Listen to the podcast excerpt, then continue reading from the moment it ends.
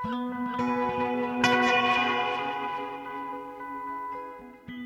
og sæl, kæri lustendur. Guðni Tómasson og Halla Harðardóttir hels ykkur hljóðstofi Vísjár mánudaginn 13. februar. Í þætti dagsins tónlistarkonan Óluf Arnalds, eldforn verkföll og áhrif stríðs á menningu og samfélag. Óluf Arnalds vinur að gerð nýrar plötu þessi dagrin og er komin vel á veg með hana. Þetta verður fymta plata Ólafar og mun hún hljóta titilinn Tár í morgunsárið. Síðustu tvær plötur Ólafar, svo síðasta kom út fyrir nær áratug, voru sungnar á ennsku en nú, líkt á hennar fyrstu plötum, syngur Óluf á íslensku og röttin verður í aðlutverki á samt gítar. Óluf er komin vel á veg með plötuna en nú stendur yfir söpnun á Karlínafönn til að klára hana og hún verður með tónleika í vikunni. Meira en um það í samtali við Ólufu hér á eftir. Við ræðum líka við Sigrúnu Ölbu Siguródóttur. Hún tekur þátt í málþingi sem að framfera á morgun í Veröld húsi Vigdísar Finnbóðadóttur, vestur á Svæði Háskóla Íslands. Yfirskriftin er tráma, áhrif stríðs á menningu og samfélag en málþingið er haldið á vegum svo kallast Úkrænuverkefnis Háskóla Íslands. Sigrún segir okkur frá sögulu rofi í þætti dagsins og úrvinnslu traumatískrar reynslu í listum og menningu. Og Ragnarður Gíða Jónsdóttir heldur áfram að fjalla um forn verkvöld í þætti dagsins. Í dag erum við hugan við borginna Eilífur Róm og fornar verkalýsteilur þar fyrir margt lengu síðan. En við byrjum á rödd úr sapni Ríkisútasins mikilværi rödd í íslensku tónlistarlífi sem nýtur ekki lengur við. Ja, Dr. Bixer kom einn dag til mér, það var hérna á sömri til 1949. Var þá heima og hann kom og sagði, aðja Pál, nú færst þú til Ísland. Ég segi, ha? Það var stengis. Já, já, ég er búin ákveða það. Það var búin ákveða maður yfirrekt en Strangur, kennari, mjög góðu kennari, en Strangur og sagði Pál, þú fer bara. Svo ég segi, ég langar samt að vita eitthvað, ég er íbúin vera á Íslandi og ég veit alveg hvað ég tala um. Og þú bara fer, þú fer fri í hljómsveitinni hérna í Graz og fer bara segg um, ásfri og verður á hérna á Íslandi. Svo ég er náttúrulega fór, ég kann ekki sagt mikið, ég er náttúrulega fór heim og sagði mamma og pappa frá því og pappa var alltaf fyrir svegi sem blessa farður, það er ekkert að græða hérna í Östuríki, þetta var svona rétt eftir stríðið, þú veist, það hefur verið tíma. Og mamma var hálf krátandi svona, nei ekki fara þetta okkur frá mér og svona, já.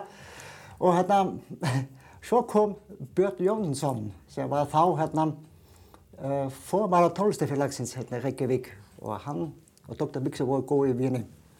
Og það var eiginlega Björn Jónsson sem spurði mig svo um hvort hann þekkti einhvern ungan dölur mann til að til að hérna, stjórna lóðsveit Reykjavíku og hérna, vera vandarlega trombitleikir í Symfóníkljómsveit, í vandarlega Symfóníkljómsveit í Íslands.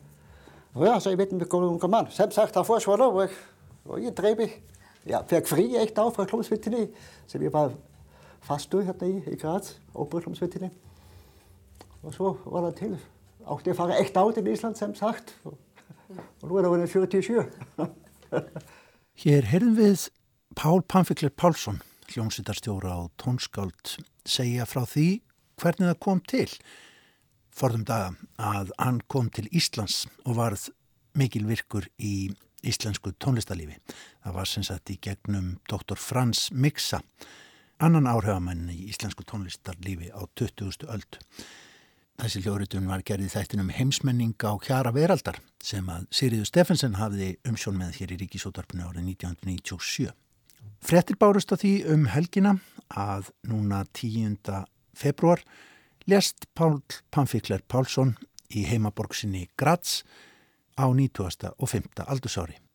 Pál var í grunninn trombetleikari, hann starfaði sem slíkur í heimaborgsinni en var síðan ráðin til Íslands sem stjórnandi lúðrasveitar Reykjavíkur í upphafi og sem fyrsti trombetleikari í útvarsljónsettinni.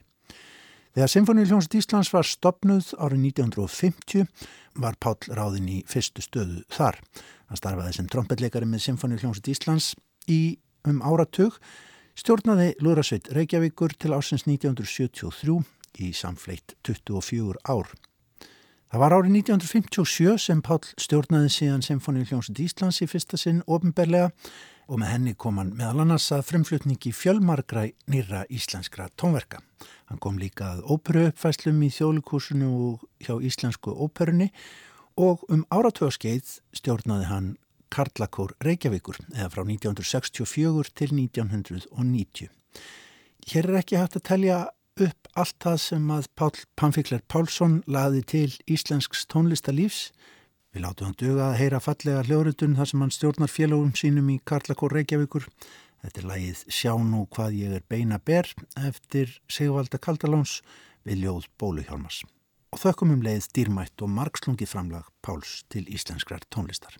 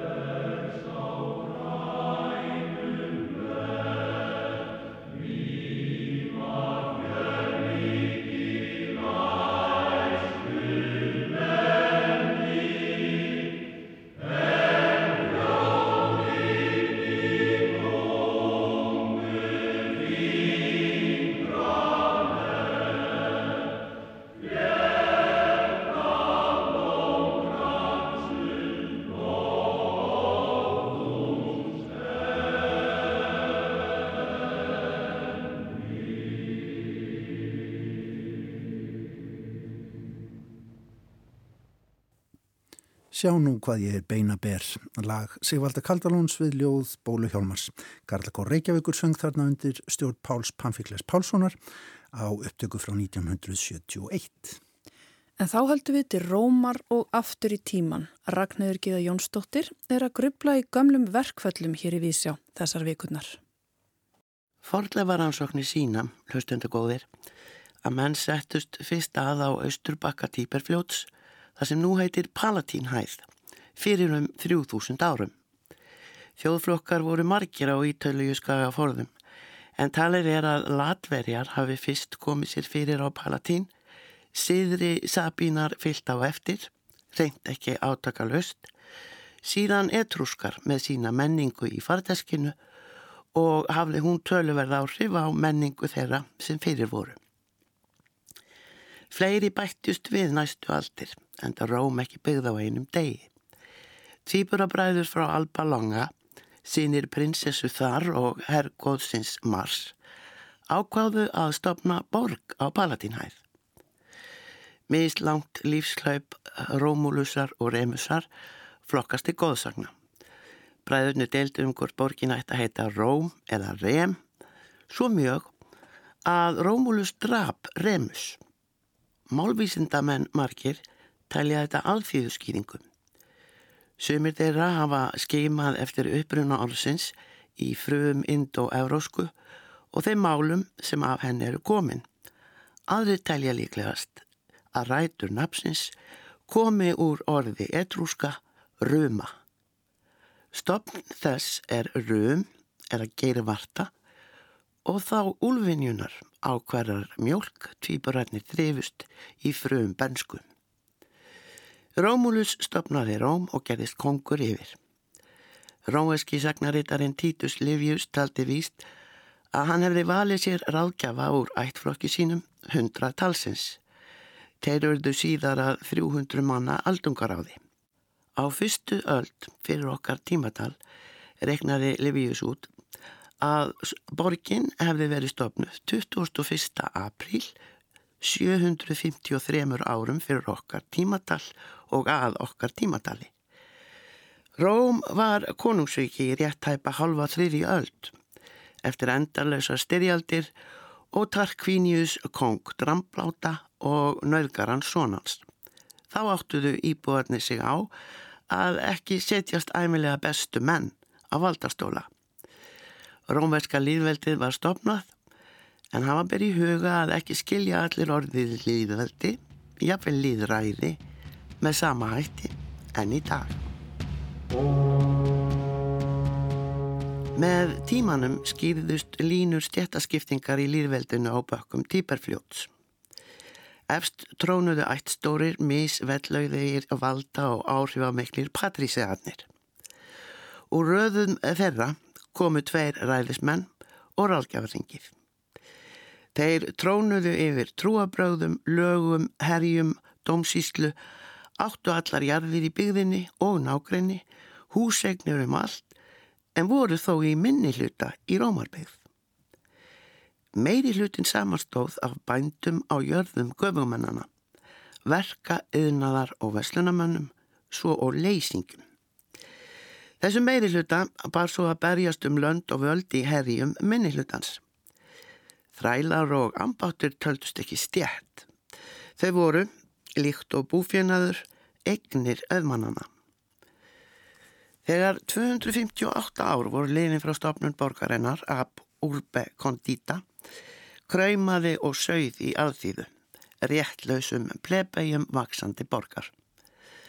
Flestir voru stór skuldrýr, frumdraug bankastarðsemi og lög Hammurabís östur í Mesapótismíu tínd og tröllum gefin. Lánardrottnar og okurlánarar gáttu auðvitað skipað útsöndunum sínum á skuldsetta að heimta greiðslur með svipuhögum, pyntingum og morðhóttunum. Alþýðan mótmælt ekki síður réttleysi sínu. Ættfaðir Klátiusa var annar ræðismannum þær mundir og brást við með lagaheimild. Lánadrottnar máttu loka skulduga inn í sínum engafangilsum. Aldiði fólk í Róm brást við með sekessjó plebis, bóstalega brott för aldiðunar, allsherjar verkvalli, stjættabaróttu. Hver sem vellingi gætt valdið skundaði upp á Móns Saker, Helgafell, aðals og valdastjættin skildi sjá um sér sjálf. Markaðir, krár, matsölustadir, yðnaður allun, verslun, viðskipti og öll vinna og jörðum stórmenna lagðist af. En við það varð ekki unað. Öldungaráðið var kallað saman og bauð á sinn fund þremur fulltrúum alþýðu. Úrvarð að skuldir margra alþýðumanna voru felta niður.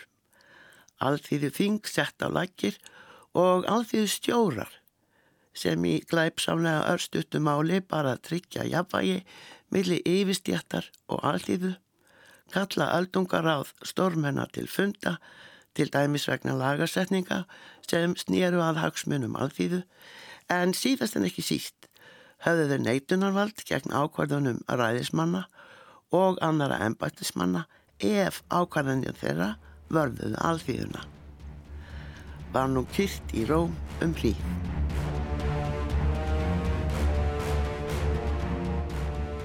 Annað allsera verkvall alþjóðumanna var vegna mistnótkunnar tíu menninga, dekumvíði, á valdi sínu, 45 árum eftir það fyrsta. Mjög eða nánast alveg hafði á þeim tíma dreigið úr valdi alþjóðustjóra og alþýðan ákaflega ósátt. Tímenningarnir skildu sinna lagasmýðum og hafa til þess eitt ár. Skila þá niðurstöðum og segja af sér. Tímenningarnir heldu til aðfennu að kynna sér lög Sólons, skiluðu niðurstöðum en neytuðu alfarið að segja af sér. Alþýðustjóra einn létu þeir miða og einn þeirra sverti svo mannorð dóttur stórmennis að fadir hennar fyrirkominni. Frettinnar fóru eins og eldur í sínu meðal alþýðu og hermana utan múra byggðarinnar. Alþýðan hópaðist saman á aventínhæð. Öldungaráð krafðist afsagnar tímenninga þessara þeir þverneituðu enn. Alþýðan hjælt til Helgafells sem fyrr. Öldungaráðið sagði tímenningunum að allsærjarverkvallið væri þeirra sög og tókst að bóla þeim frá. Tveir öldungarhausmenn voru sendir á fund verkalsmanna og náðu samningum um að fyrrum réttindi alþýðu þings og fóringja tækju gildi. Sem og lög um að jamt stormenni sem alþýða væri rómverskir borgarar. Baráttunni var þó ekki lokið. Alþýðan hafði áður gert aðtúasemtir við að hofgóðar af Parísjaættum hefðu lög rómverja hjá sér og lindu. Einokun þeirra, samband trúar og helgisíða, var þeirra aðferð til að berjast gegn samfélagsbreytingum. Alltíðan krafðist skiljanlegra laga og veraldlegra. Tíu lagagreinar voru högnar í stein og stilt upp á Rómartorki og síðar var tveimur bætt við. Tóltafna laugin. Öllum til upplýsingar en ekki var nú öll alþýða manna læs. Í þessari þínu tókst ekki að jafna stöðu meintrastórmenn á alþýðunar. Stórmenni voru enn þeir einu sem gáttu sóst eftir ræðismannstöðu en fullrúar hersins með ræðismannsvöld máttu og gáttu. Títus Livius er fá orðurum fjórða allsherjarverkvallin í Róm. Segir það hafa verið uppreist hersins hvað svo sem það þýðir. En verkvallið 290 árum fyrir okkar tímatal skipti miklu. Þá hafðu herir Rómar unnið sigra á grannbyggðum og lagt undir sig. Þeim var skipt milli stórmenna, alþýðan fjekk ekkert. Alþýðan í Róm og nákvæmni æðvist. Hlutur bandar sem hefðu barist var engin, þeir gáttu ekki staðið við skuldbindingar sínar, fjárhagslegar eða aðrar. Alþýða Rómar skundaði aftur á avendínhæð. Hortensius allræðismadur leisti málinn. Alþýða Karla öðlaðist pólitísk réttindi, lög alþýðuþinga gildu líka fyrir stórmenni. Ekki mátti bóða til kostninga á markaðstögum og fjölmart fleira, nema það sem snýri að alþýði dreifbilsins. Ekki var heldur tekið á efnahags- og félagsleiri miskiptingu stórmenna á alþýðu en leiðin að jafnari stöðu þeirra og alþýðunar varð greiraði. Til eru þeir sem segja þetta lokum tveggja haldast jættabaróttu söður á hæðunum við týper. Má vera. En allt tengist eins og fyrrum Rómarbúin Stefán Jón Hafsten minnir á í bóksinni heimurinn eins og hann er. Stefán Jón rifjar upp allseraverkvöldun sem Rómar þýða beitti gegn valdhafum þegar upp úr sögð í tvær aldir og tengir. Hvar sem hann ber nýður í frásögnum af heftarlegum deilum þeirra aldar sem líðveldi stóð eru hugtökinn þekkt úr okkar sögum. Arðrán, spilling, mútur, ofsagróði, eignarsvifting, atkvæðakaup og atkvæðasala lagaklækir og launráð, fjárflótti, gengisfellingar, gjaldþrótt eða ofnótt. Ódýrt korn handa alþýðu, uppsprengt verða á korni handa alþýðu. Útsala á ríkisegnum til gæðinga, fjárpind, mannsal og þrælahald, nýlendustefna, herrleiring, siðbót eða siðróf í hæstu hæðum.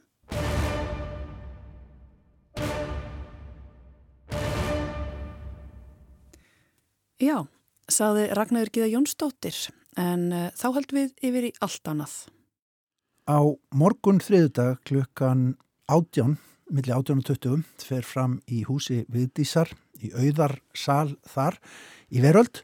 Málþing á vegum Úkrænuverkefnis Háskóla Íslands og Úkrænuverkefnið já, hefur auðvitað komið til á síðasta árinu eða svo síðan að innrás rúsa í Úkrænu hófst og þannig er verið að skoða ymsar hlýðar á þessum átökum í Östuvegi. Yfirskrift þessa málþings er tráma áhrif stríðs á menningu og samfélag og meðal þeirra sem að þarna ætlar að tala er Sigrun Alba Sigurðardóttir, hún er stundakennar við Háskóla Íslands, hún kallar erindi sitt tráma og söguleg róf, úrvinnsla í listum og menningu. Velkomin Sigrun. Já, takk fyrir. Hvað hérna, sko þetta er náttúrulega svo rosalega stort málumni í samtíma okkar, um, hvernig eru hugsunin hjá ykkur að skoða það svona langt í burtu? Já, um, sko það tilefni málþingsins er að skoða hvernig hægt er að vinna með trámaúrvinnslu hjá fólki sem kemur frá stríðsræðum svæðum mm. og e, þarna mun til dæmis e, sálfrængurinn Olga Kutos segja frá verkefninu Sálrætt stuðningur fyrir úkrænst flóttafólk á Íslandi. Mm -hmm. en ég sjálf, ég er ekki sérfræðingur í, í hérna, meðferð við tráma hjá einstaklingum. Heldur hef ég verið að rannsaka hvernig fjallað hefur verið um uh, tráma sem söguleg róf og hvernig listamenn hafa verið að vinna með trámu í gegnum söguna til þess að hjálpa okkur hinn um að skilja í rauninni reynslu sem er það djúpa, hún stendur utan við það sem við getum skilið til fulls mm -hmm. og það tekur oft mörg ár þanga til að hægt er að fara að tala um hlutina á, á svona einhvern skiljanlegan hátt og það sem að ég er til dæmis að fara að skoða meira í mínu erindi er hvernig, hvernig til dæmis Balkanstríðið, mm. hvernig hefur verið unnið úr þeirri traumatísku reynslu í listum og menningu mm. og það er möguleik hvað sem að getur þá hjálpað fólki sem er núna stati í hörmungunum miðju að sjá fram, fram á við, mm. sjá að hlutinir taka enda og, og, og það sé hægt að byggja upp aftur en það er oft talað um svona tvö stíg í úrvinnslu að fyrst ef þú upplifir eða verður fyrir traumatískri reynslu eða upplifun þá ferðu á svona það sem ennsku hefur verið kallað acting out eða losun og það er stig þar sem að þú er einu hugsaður ekki skýrt en, en ert yfirkomin af atbyrðinum. Þú upplifir hann í draumi og vöku og um, þetta er ástand sem að allir sem upplifa tráma fara inn í en þú þarfst að komast út úr þessu að því að annars einhvern veginn lifuru stöðut í skugga atbyrðarins og þú þarfst að komast yfir á það sem að í sálgrinningunni er kallað working through eða, eða hérna úrvinnsla mm -hmm. og þegar þú kemst á það stig þá er unni um, getur þú farið, farið af, horfið aftur til augnabliksins og uh, reflekterað á það og skilið um leið að það var kannski ekkit sem þú gæst gert til að koma í vekk fyrir atbyrðin og í rauninni sættast við það að, að atbyrðurinn átti sér stað þó þú í rauninni, það þýðir ekki að samu fyrirgefning og svona en það er ákveðin sátt við að hluturinn átti sér stað og þá getur þú byrjað að vinna með hann og í því samengi hafa er það sköpunarkrafturinn og ímyndunaflið oft sem að kemur að góðu nótum að því að maður þarf að fara að sjá hluti í nýju samhengi mm -hmm. og e, að búa til eitthvað rögrétt úr einhverju sem í eðlisínu er algjörlega órögrétt eins eins og það að lenda í, í stríðsátökum öruglega er fyrir venjulega borgara. Um, og við höfum bara séð eins og bara eftir setni heimstyrjöldina það tók, það tók uh, 30 ára að fara að vinna úr því á einhvern uppbyggilegan hátt og eins eftir balkanstríðið að, að það tók í rauninni tók í rauninni 10-20 ár fyrir fólk að komast á þetta úrvinnslu stig. Mm -hmm. Þannig að ég held Uh, já, en þannig að það er svolítið erfitt fyrir mig sem er að skoða þetta svona menningarlega að reyninni beinlins að tala um Úkræn og hvernig þessi eðlegast að bregðast við í því samengi. Það er meir eitthvað sem ég myndi eftir að láta sálfræðingum og sálgrindum að, að vinna með. Já. En já.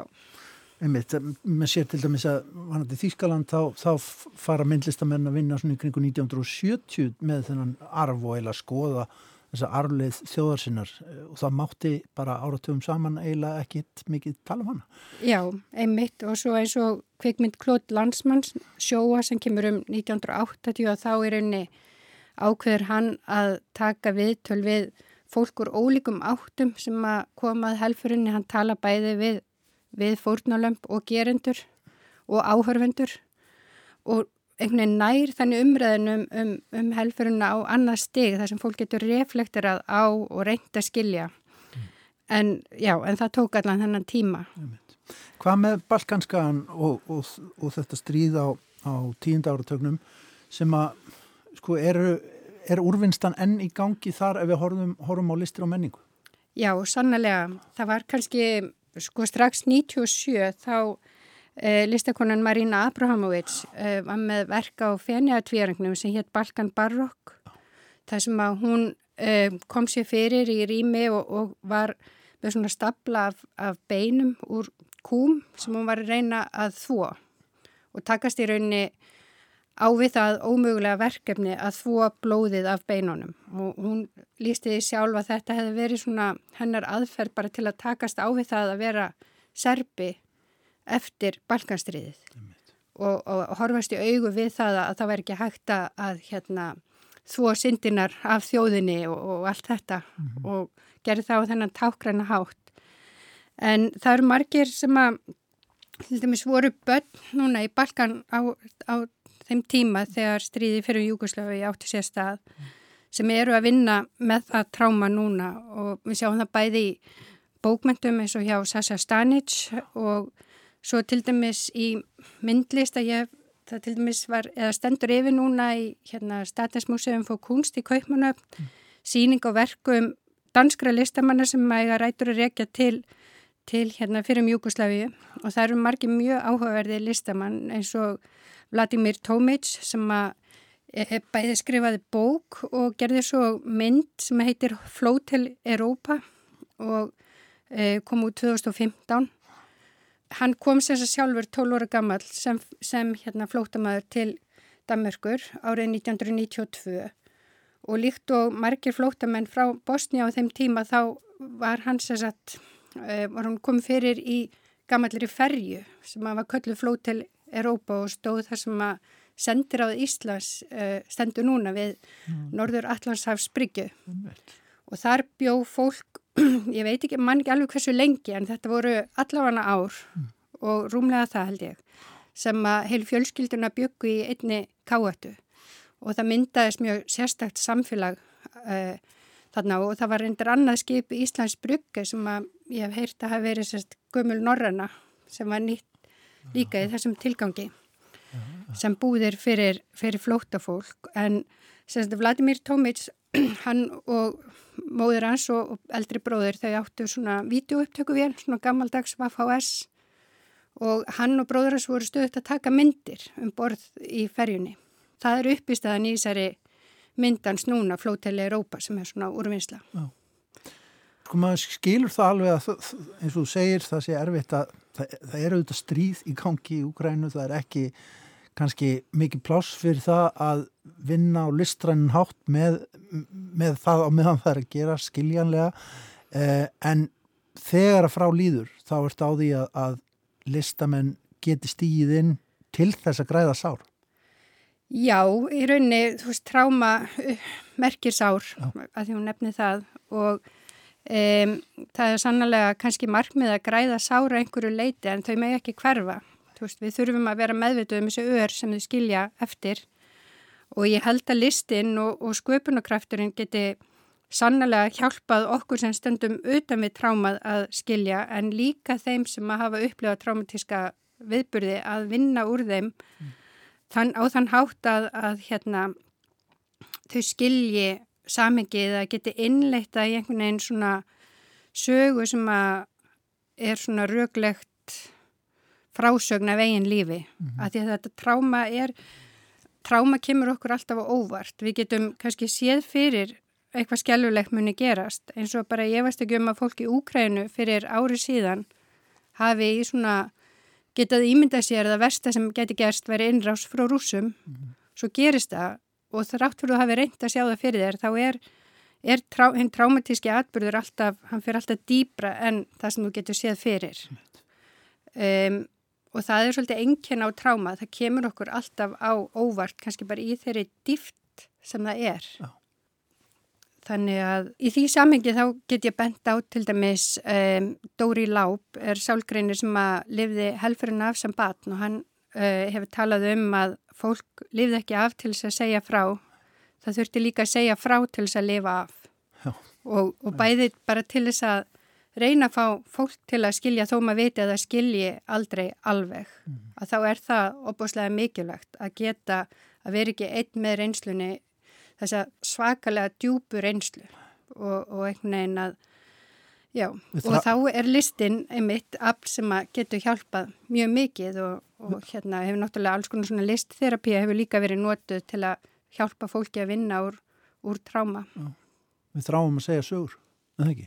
Jú, ég held við þurfum að segja sögur og, og sumir fræðmenn hafa nú talað um sko að við séum alltaf í raun að búa til einhverja sjálfsögur eða sjálfsæfisögu sjálf, við erum alltaf að búa til einhverja frásögnum eigi líf svo gerist eitthvað svona rosalegt eitthvað traumatist og þá bara passa það ekkit inn í frásögnuna Nei. við gátum ekki að segja það fyrir og við komum því ekki heim og saman og liður í þessari úrvinnslu er einmitt að sættast við að þessi, þetta tráma er þarna einhver staðar á frásagna línunni og, og lífið breytist eftir það. Það verður aldrei eins. Sigrun Alba Sigurðardóttir, takk kælega fyrir að koma í viðsjá, segja okkur aðeins frá þessu málþengi, við bendum á það, tráma, áhrif, stríðs á menningu og samfélag. Þetta er í Veröld, húsi viðdísar á morgun klukkan átján, millir átján og töttu. Takk fyrir komin að gangu vel með þetta. Já, takk fyrir. Og úr áhrifum stríða á bæði listir og sálarlíf höldu við í eitt af því sem að getur mögulega heilað og læknað öll sár, tónlistina. Já, söngvaskáldið Óluf Arnalds stendur nú fyrir söpnun á Karolína Fönd til að leggja lokahönd á sína fymtu plötu tíu árum eftir að svo síðasta kom út og Halla tekur nú við og ræði við hana.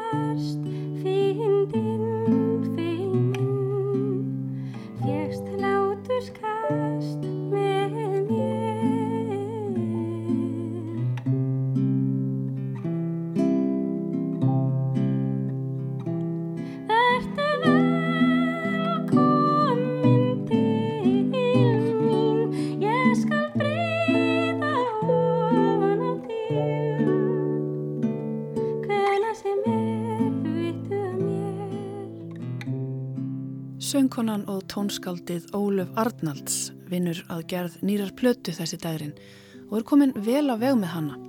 Þetta verður fymta plata Ólafar og mun hún hljóta titilinn Tár í morgunsárið.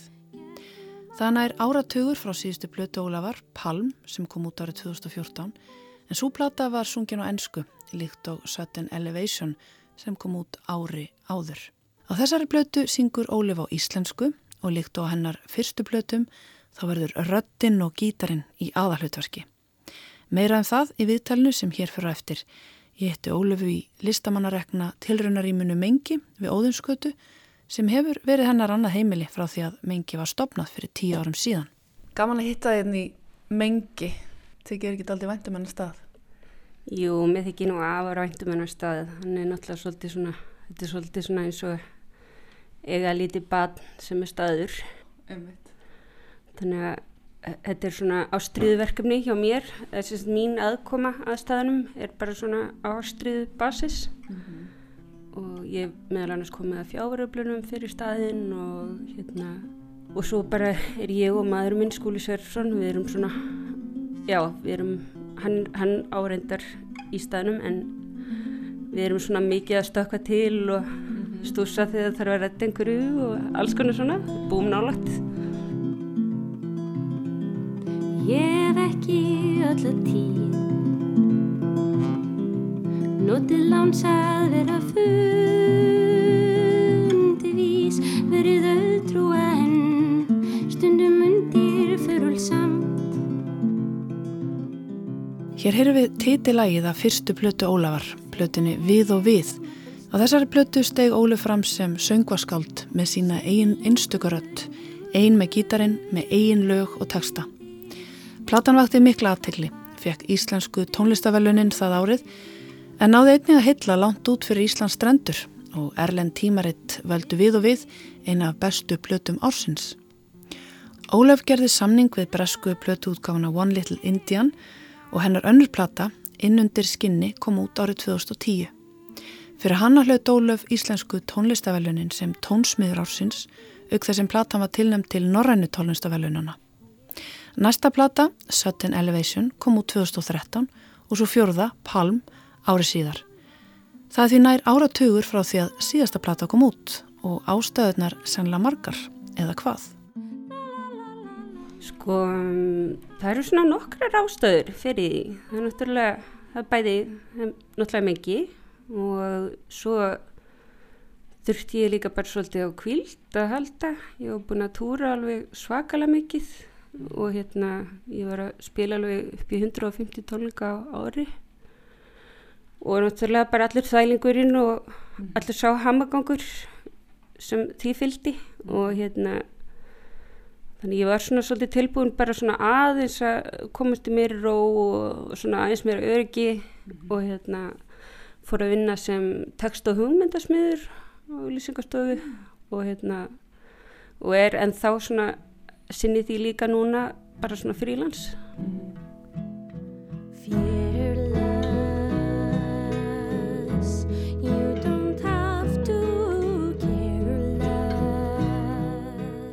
Ólef gaf út sína fyrstu plötu eins og fyrr segir 2007 og má segja að svo plata hafi kastað henn út í heim og við tóku heilmikil ferðalög og í raun breyttur lífstíl. Ég spyr hana hvort að einlega söngaskáldið hafi kannski fengið nóg af hringuðinni. Var það kannski daldið stórt í sniðum allt saman? Já, það stemmir og náttúrulega fekk bara svo gríðilega miklu umfjöldin líka bara allstaðar og, og það var svona Þetta er svona rosalega viðkamur punktur í, á ferli listamanns að því að sko, já, þegar hann fer að vekja eftirtækt að þá er þetta svona, þetta er svona viðkamur punktur, það er, ég get ekki alveg líst í, er bara svona, þú þarft eiginlega að vera bara svona, þú þarft að hafa einhverja maskin á baku þig en já, ég myndi segja bara kannski þá hafi ég að einhver leiti fundið að ég gæti ekki alveg lengur sko borið þetta allt einhvern veginn bara einn mm. og hérna að því að svo er maður náttúrulega þú veist, fylgir kannski ekki endilega fjö förum dómum sko mm. og hérna og náttúrulega það sem ég er að gera er svolítið intím og það er svolítið nýs þannig að maður er svona, maður er ekkert að sprengja einhverjar tónleika hallir Dearest, dearest, here's a song. Beautiful, so bright and young. You got mojo, you got soul. Full of colors, pearls and poles. Það er svo líða þarna tíu ár sem að ímyndilegt gerist og hérna þannig ég ímynda mér að þú sért búin að vera að sapna í sarpinni við langan tíma eða, eða hvernig Hvernig hefur unni að þessari plötu? Er þetta eitthvað sem kom skindilega til þín eða er þetta búið að koma í skrefum eða hvernig hefur þetta ferli verið? Þetta hefur verið svolítið sko, ég, ég veiktist aðeins hérna á tjóðbili og þegar svona koma út úr því svona kafi að þá hérna fór að koma til mín alveg óbúslega mikið að lögum.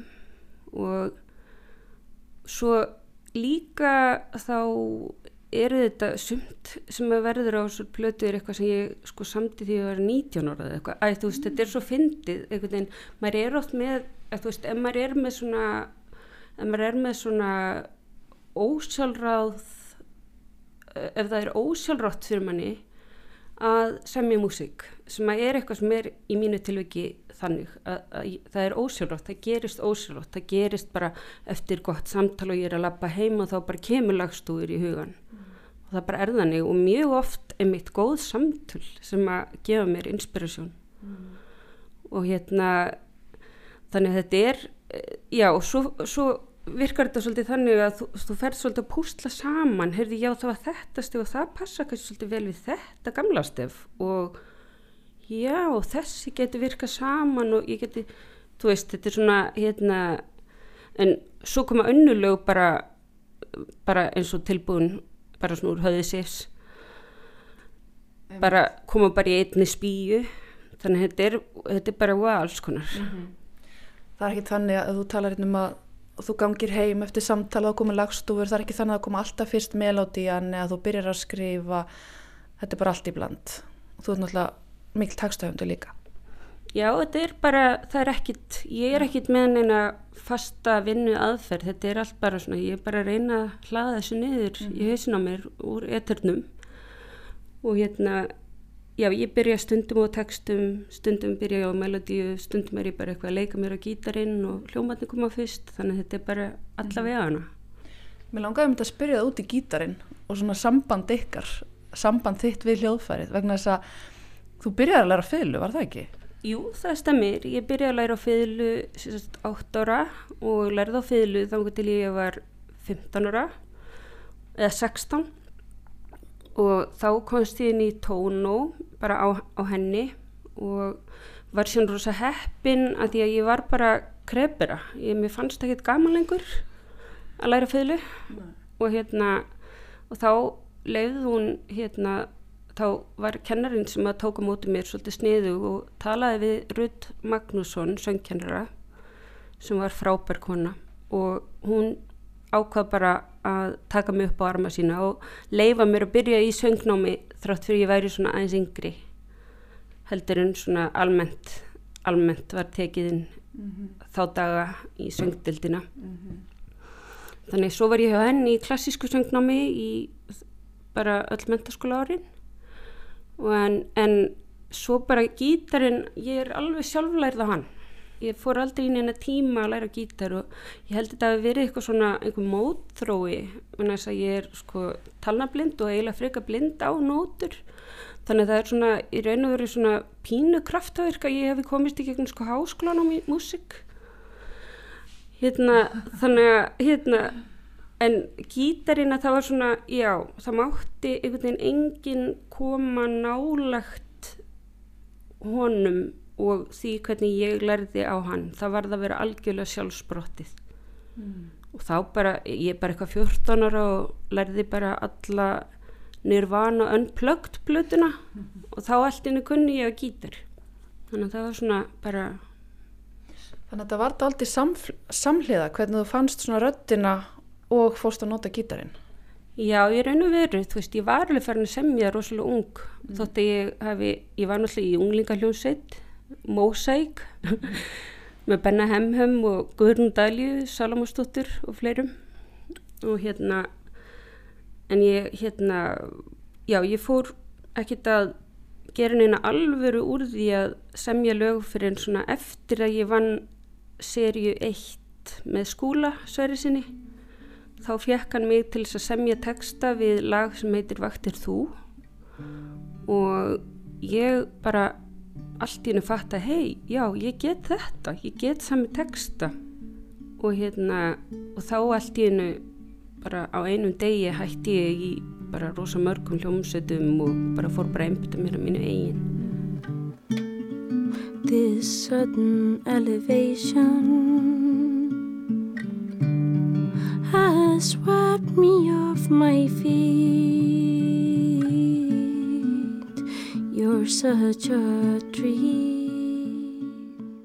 Og hvernig tilfinning var það aukvölda að þú hefði rött eða ætti rött og, og geti notað hana? Það er bara svolítið merkileg tilfinning að þú veist, en þetta er svolítið svona ég minna því ég var krakki að þá, sko það mátti ekki koma sko þrýri heimsókn heim til okkar þú veist, öðruðið sem ég var í staðin upp á stól og farin að syngja fyrir fólk. Þetta var bara eitthvað svona rosalega þörf bara einhver svona og bara, og mér bara dreymdi um þetta að vera söngkona bara alveg bara frá því að ég var bara pínulítil. Og hérna að því að ég fann, jú, ég þú veist, ég gæti sungið, ég vissi það. Og hérna, það voru svo skemmtileg tilfinning að finna að maður gæti það að því að mér gekk eitthvað svo illa á fylguna þú veist, að því ég gæti einhvern veginn, hafði ekki einbyttingu til að æfa mig og hérna bara, já, það bara gekk ekki neitt rúslega vel. Ég fór einhvern veginn svolítið gegnum fylguna á maganum en þóttu ég spila alveg ennþá á fylgu og finnst það gaman. Ég er svona lít meira á mig sem svona fylglara heldur en, en cold Breathing slowly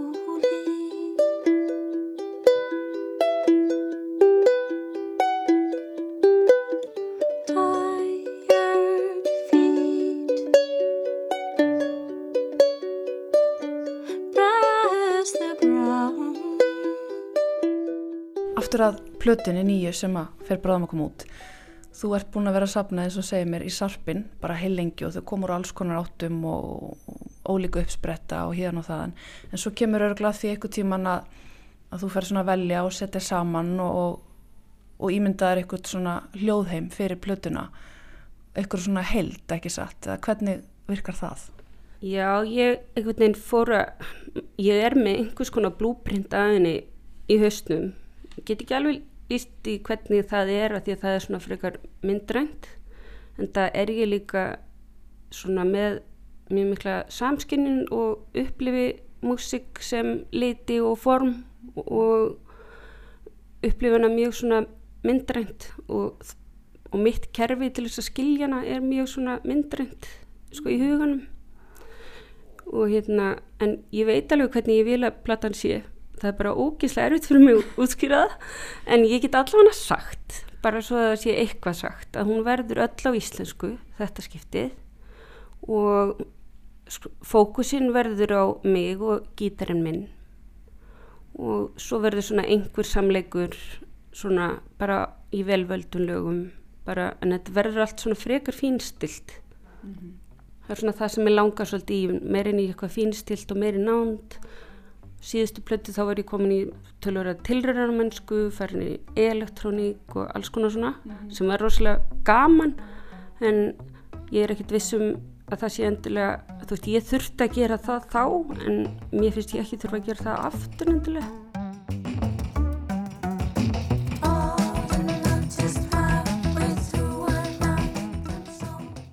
Þannig að þú ert kannski að hverfa aftur meira inn í hljóðheiminn sem við munum eftir fyrstu tveimu plötunum þar sem það ert svona þú og röddinn þín að njóta sín með gítarnum. Já, ég myndi segja að það væri bara nokkuð góð greining sko. Getur þú sagt mér eitthvað svona um yrkisefnin? Hvað svona, hvað er þér ofalega huga á þessari plötu?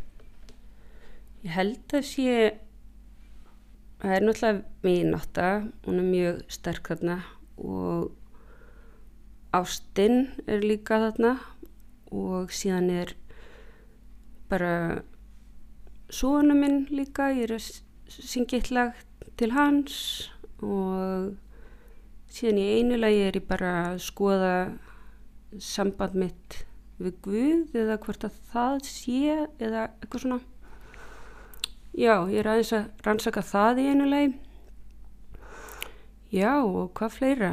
Eitt lag er um græðiki þar sem ég er svona, er svona ég er ekkert reyð eða eitthvað en svona, ég er svona aðeins svona aðeins eipagokk og hérna, já þetta kemur allt í ljós Hvernig hellist þið verið andagiftin? Hvað veitir þér innblástur, Ólef?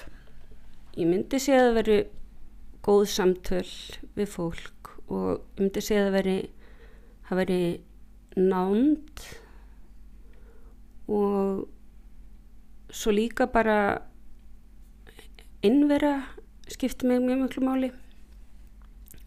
Þarf svolítið að fá að vera einn til ég, það er volið svona prívat hjá mér að, að semja. Svona þarf að vera einhvern veginn alveg bara einn í einhverju svona spesi og, og svo náttúrulega fæðist þetta allt svona helst eftir miðnætti því ég er svolítið bjötýpa en það er það sem veitir mér innblástur er jú, það er aðalega, ég myndi langmest segja að það veri bara svona fólk og tilfinningar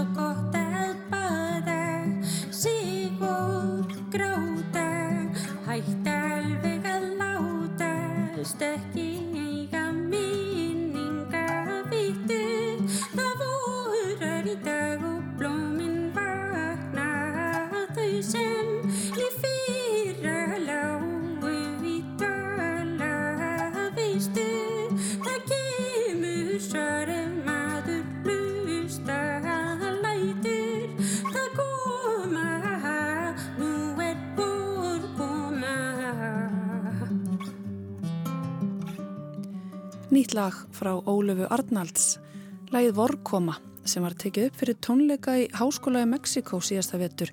Lag sem verður á plötunni sem að nú er í smíðum Tár í morguns sárið.